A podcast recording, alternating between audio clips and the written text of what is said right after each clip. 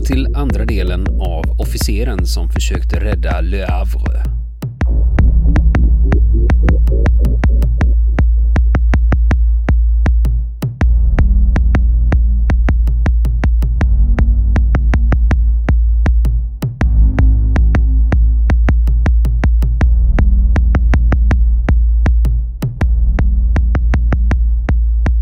Ni kommer in i historien har ju de allierade landstigit sedan länge i Normandie. I september så kommer britterna fram till Le Havre och eh, hittills har de nekat den tyske befälhavaren att evakuera civila.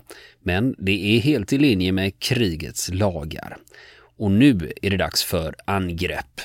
Och sen sätter man igång 5 september. Då är det ett massivt bombande från Harris. Och Harris är ju bombar-Harris. Mm. Arthur Harris, brittiska Bomber Command i RAF. Ja, Bombflygets chef. Just det, och det är inte bara uh, Harris som uh, beordrar flygbombning här av Le Havre, utan man beskjuter det även stan med skeppskanoner och med artilleri från land då.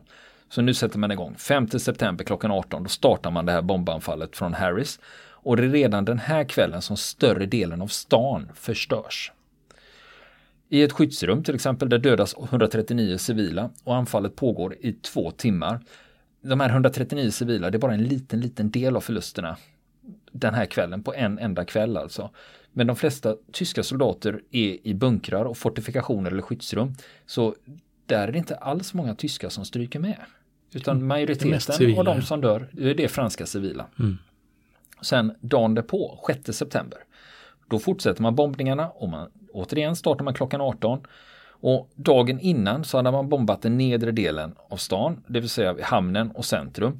Och den sjätte, då bombar man övre delen. Och det är ju den som ska förbindas av Jennetunneln och den håller man ju fortfarande på att bygga, den är inte färdig. Men den används nu mer som skyddsrum. Så mängder med fransmän, de flyr från sina hus från den övre delen för att ta skydd i tunneln. Men i den änden, där är det, det är redan tusen pers där som försöker ta sig in i tunneln. Så det är många som inte kommer in och då gör man så att då springer man runt till andra sidan och tar sig in från andra hållet, från nedre delen. För där, där kan man komma in. Och bland annat är det 325 personer som klämmer sig in i en servicetunnel där.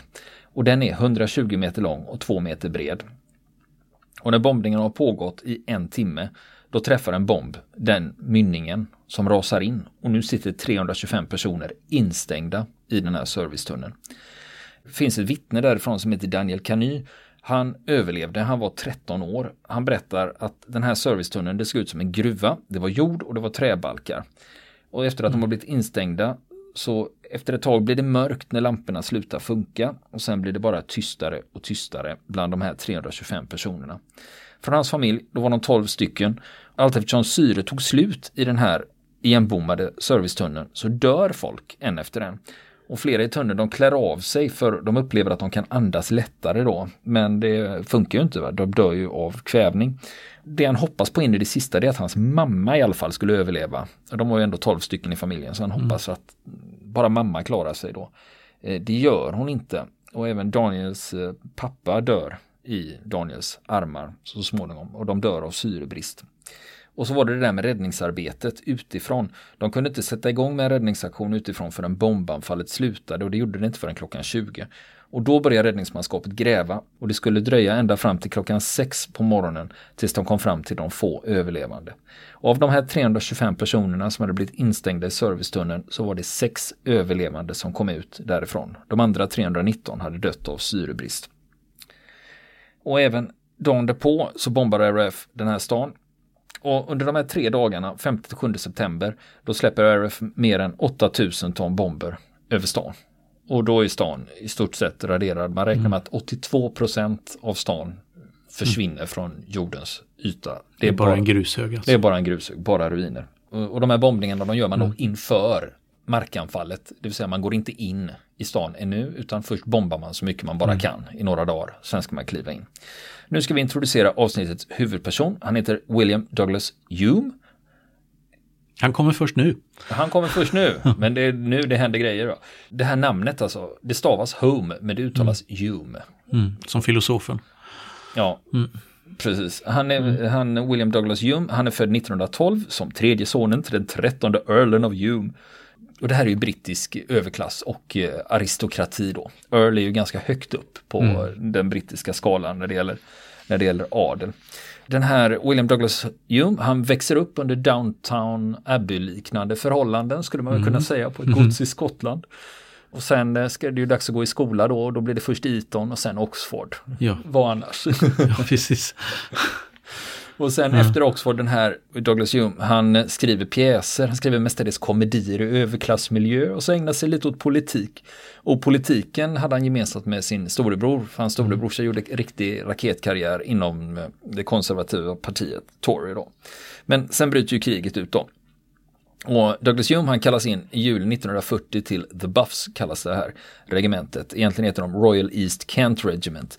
Och han skickades till Sandhurst för officersutbildning. Han var ändå överklass och då Ja, just det. det, det är klart han skulle bli officer. Ja, precis. Ja. Och han var klar i mars 1941 och då blev han placerad i sjunde bataljonen. Och just den här bataljonen, den flyttades sen över och blev 141 regementet i pansarkåren. Mm.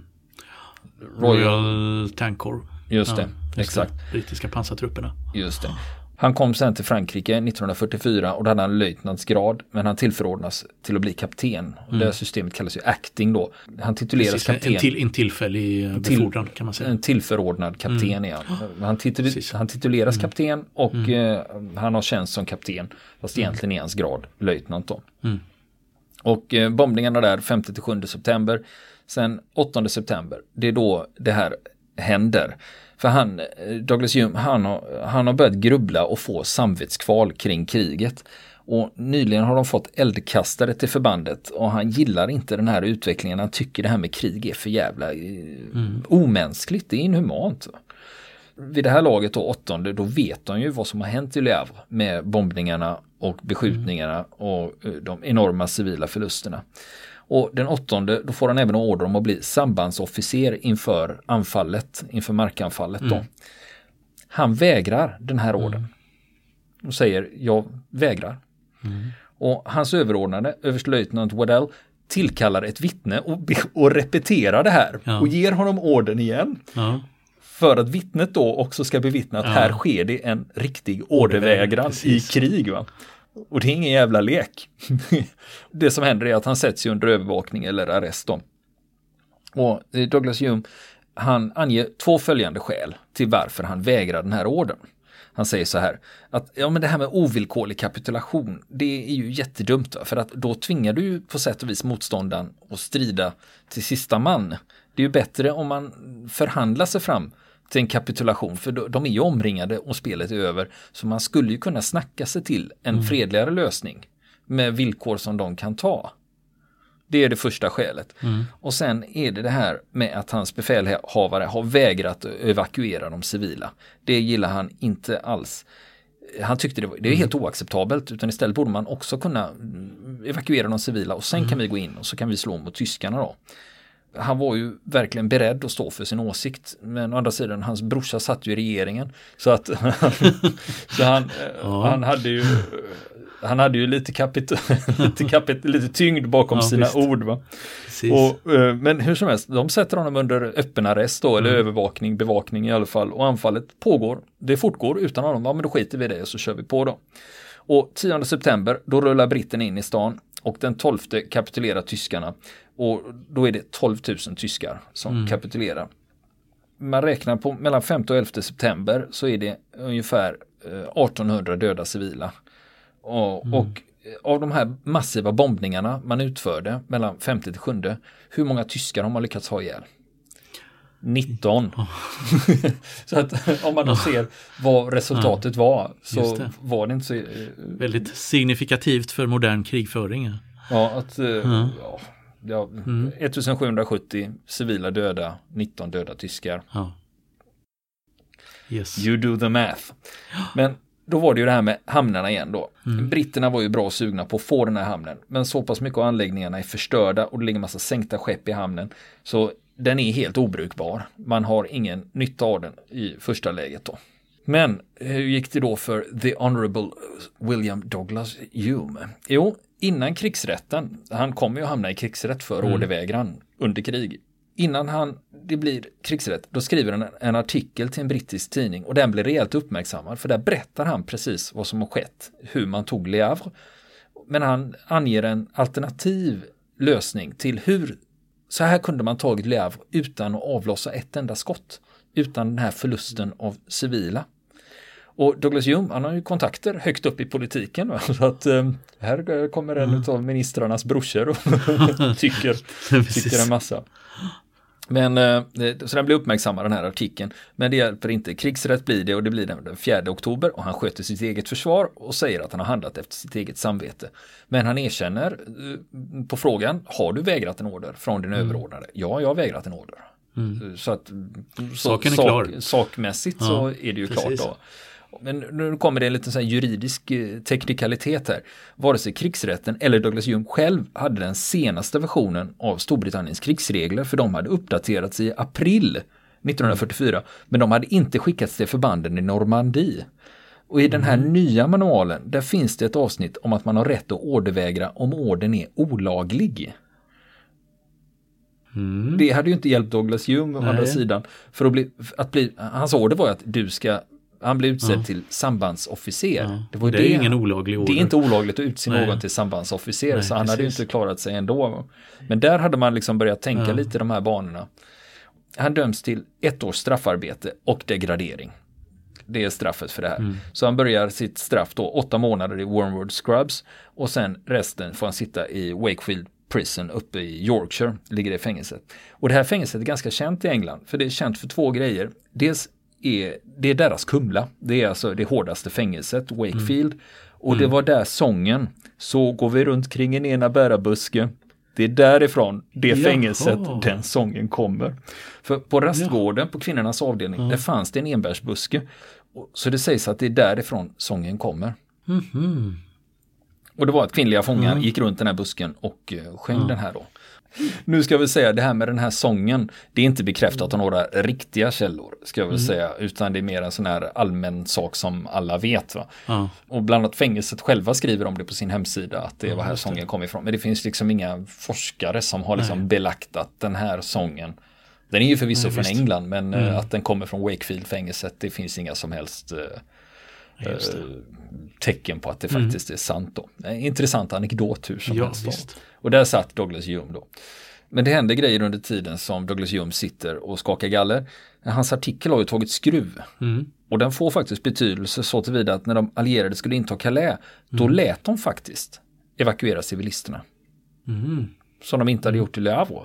Då tror man att det beror på att hans eh, artikel fick sån påverkan att man, inte hade, att man hade vägrat evakueringen av civila i Le Havre. Och Dunkirk, det fick vara kvar i tyska händer ända fram till krigsslutet, 8 maj 1945. Man, man, man brydde sig inte ens om att gå in där. Utan det låg som en liten enklav mm. fram till krigsslutet när tyskarna kapitulerade. Och då kapitulerade ju även Dunkirk. Sen var ju grejen med den här artikeln att britterna fick lära sig vad den här typen av bombningar gör med en stad. Så på det viset så var det inte lika populärt att mm. ödelägga hela städer det. efter det här. Och Douglas Hume då?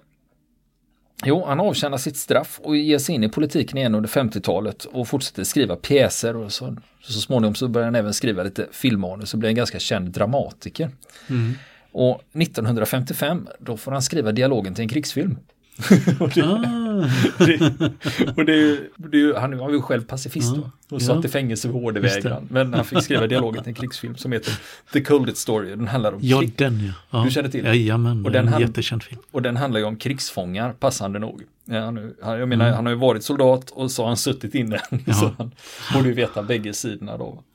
Men, eh, men eh, det som är intressant med Douglas Hume det är att eh, även om han själv blir en känd dramatiker så är det ingenting mot hur känd hans brorsa blir. Mm. För det går ganska bra för honom. Han heter Sir Alec Douglas Hume. Och de mm. som är intresserade av brittisk historia kanske känner igen det namnet. För han blev premiärminister 63. Mm. Och det var lite bananskal för sittande premiärministern Macmillan han blev sjuk och så hade Macmillan två jättefula skandaler i bagaget. Eh, bland annat Profumo-skandalen då, där försvarsministern hade ihop det med en 19-årig topless-dansös som mm. i sin tur låg med den sovjetiska marinattachén i London. Mm. Inte så snyggt. Det var inte så snyggt. Så att den sittande premiärministern, han hade godartad prostatacancer. Då tog han det som ursäkt och klev av då.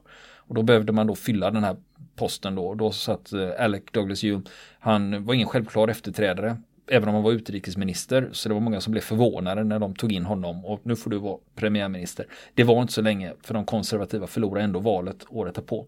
Vid det laget då, det, när eh, han blev premiärminister, mm. William Douglas Hume, då hade han slutat med politik för länge sedan och ägnade sig mm. bara åt att skriva pjäser och filmmanus. Mm. Hur gick det sen med uh, Le Havre då? Den var ju helt raderad. Jo, på 50-talet, eh, slutet på 40-talet och början på 50-talet så började man bygga upp den här stan igen då. Och det man slås av när man är i Le Havre, har du varit där? Nej, Le Havre har jag inte varit i. Nej, för det man slås av det är arkitekturen mm. är väldigt speciell. För det är väldigt mycket betong och det är mm. väldigt mycket 50-tal och stan är byggd i en ganska enhetlig stil. Mm. Och det är ganska svårt att beskriva. Jag är mm. ganska sopig på arkitektur. Ja. Så jag har, men... ja, jag har sett sådana städer som har jämnats med marken och det är lite öststatskänsla när allt är byggt vid samma tid och ja. ungefär enhetlig arkitektur. Det är, oavsett vilken sida järnridån det byggdes. Mm. Så eh, det blir dystert. Ja, men eh, tycker jag. Jag, jag. tycker snarare den är ganska häftig för mm. det närmaste jag kan komma på det är vissa Tintin-album som mm. visar stadsmiljöer där det ser ut lite så. Mm. Mm. Väldigt speciellt. Sen har de en jättehög kyrka som de har byggt i betong. Och när man går in i den, då har man, den är väldigt häftigt konstruerad för man har färgat glas uppe i toppen och det gör att ljuset lyser in på massa olika sätt.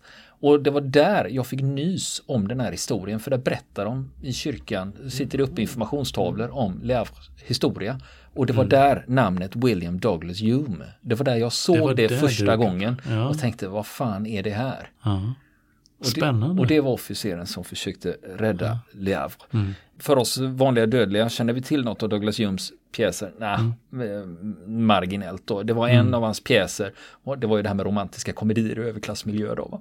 Och mm. eh, en av hans pjäser, det blev en sån succé att det blev en film i alla fall som hette The Reluctant Debutant och då var det Rex Harrison som hade huvudrollen. Så det var en mm. riktigt påkostad produktion.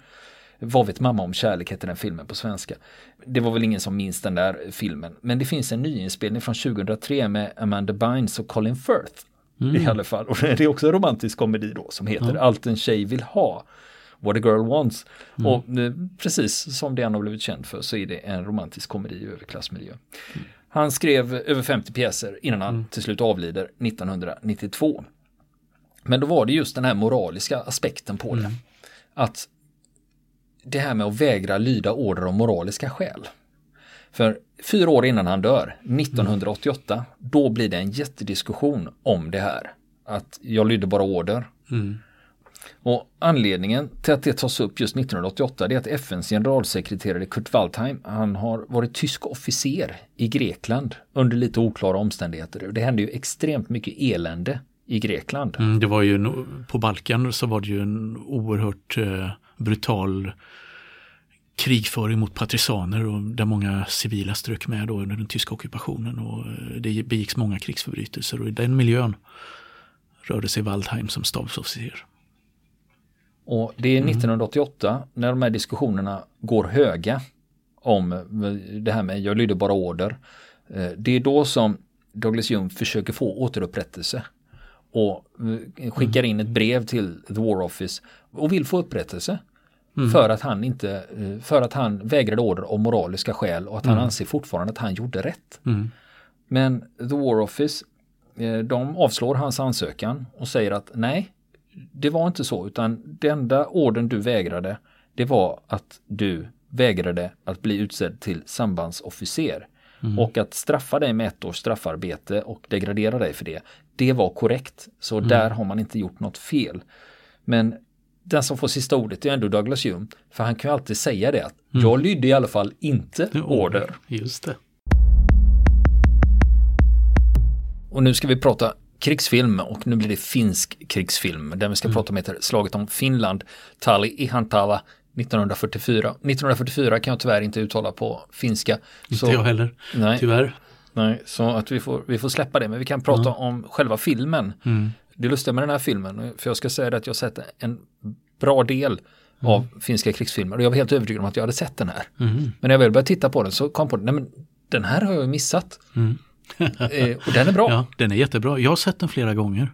Ja. Har gjort och jag, den, är, den är oerhört bra och den är ju, håller sig ju hyfsat nära hur det gick till i de här, vid de här oerhört dramatiska dagarna eh, sensommaren 1944 då hela finska fronten på Karelen hade klappat ihop under trycket av den ryska, ryska offensiven. Mm. Och, och, det här är under fortsättningskriget? Det är vid fortsättningskriget då. Och där, man, eh, där det häng, handlar om att vid de här orterna, Tali och Ihantala, där måste de stoppas, ryssarna.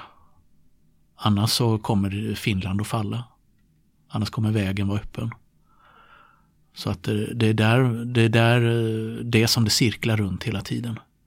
Och eh, ja, vad ska vi börja prata om om den här filmen? För Vilken, är, för, förut, för förutsättningarna ja, har du ju mm, dragit. Ja. Eh, liksom att det är fortsättningskriget, mm, det är Karelska mm. näset mm. och här ja, är det hela för... Finland som står på spel. Mm. Och det finns ju också därför titeln är på svenska, heter den ju slaget om Finland. För det är ju det som står på Just spel det. här. Just det det finns ju olika sätt att göra krigsfilm. Mm. I det här fallet, eh, i en del mm. fall så väljer man ju att eh, följa en person eller ett förband och följer dem hela vägen så får de, så mm. de stå som symbol för det hela. Mm. Så gör man inte här utan här får man, hoppar man mellan olika förband mm. mm. och olika personer och så får det liksom stå för mm. helheten. Precis.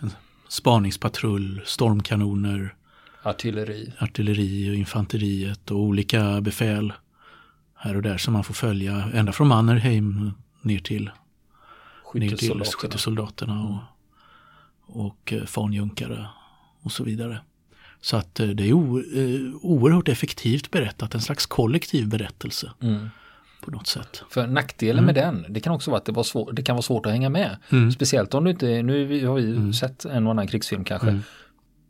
Det var en underdrift alltså. Det, så de vet mm. Nej, men, Ni förstår. Ja, nej, så att, för ibland när man, just när man hoppar, det kan vara svårt att hänga med. Ja. Och framförallt om du inte är van vid att se krigsfilmer mm. så kan det vara jättesvårt. Ja, men det var ju han som var där. Nej, mm. det var det inte. De har samma färg på uniformen. Mm. För de, men de ser ju likadana ut. De, ser, ser alla likadana, de ser likadana ut. Alla har likadana hjälmar på sig. Ja, hur ser man skillnad på dem? Ja, men det var ju de, varför var de där och sköt? Nej, men det är motståndarna. Ja, men hur vet du det då?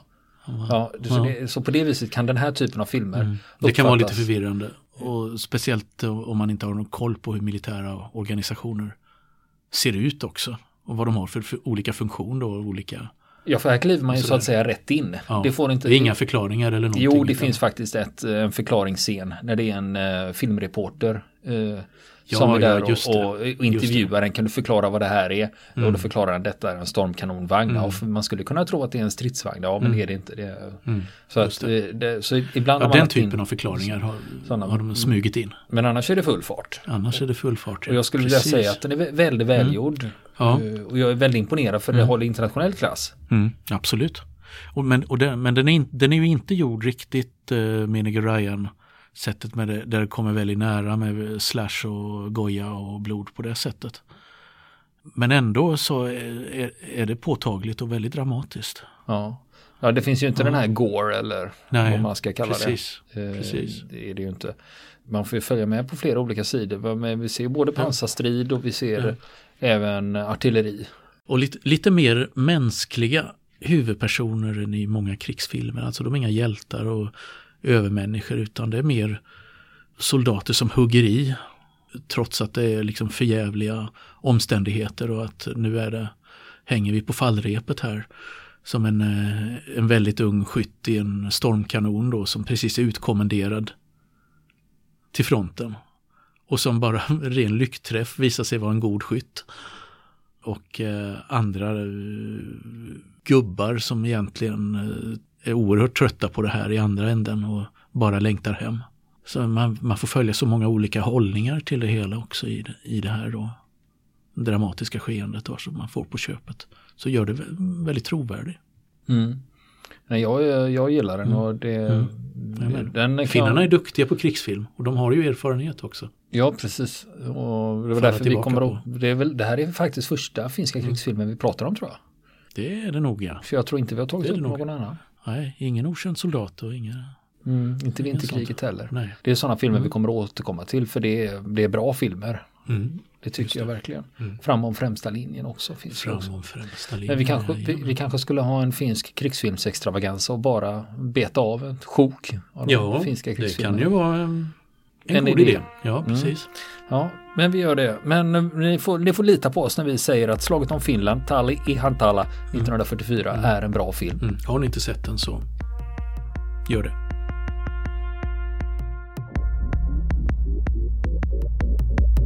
Vill ni komma i kontakt med oss så kan ni göra det via vår Facebook-sida som heter Fronten. Det är inga problem för er att leta er fram där. Eller också så mejlar ni på vår mejladress och det är frontenpodcast@gmail.com.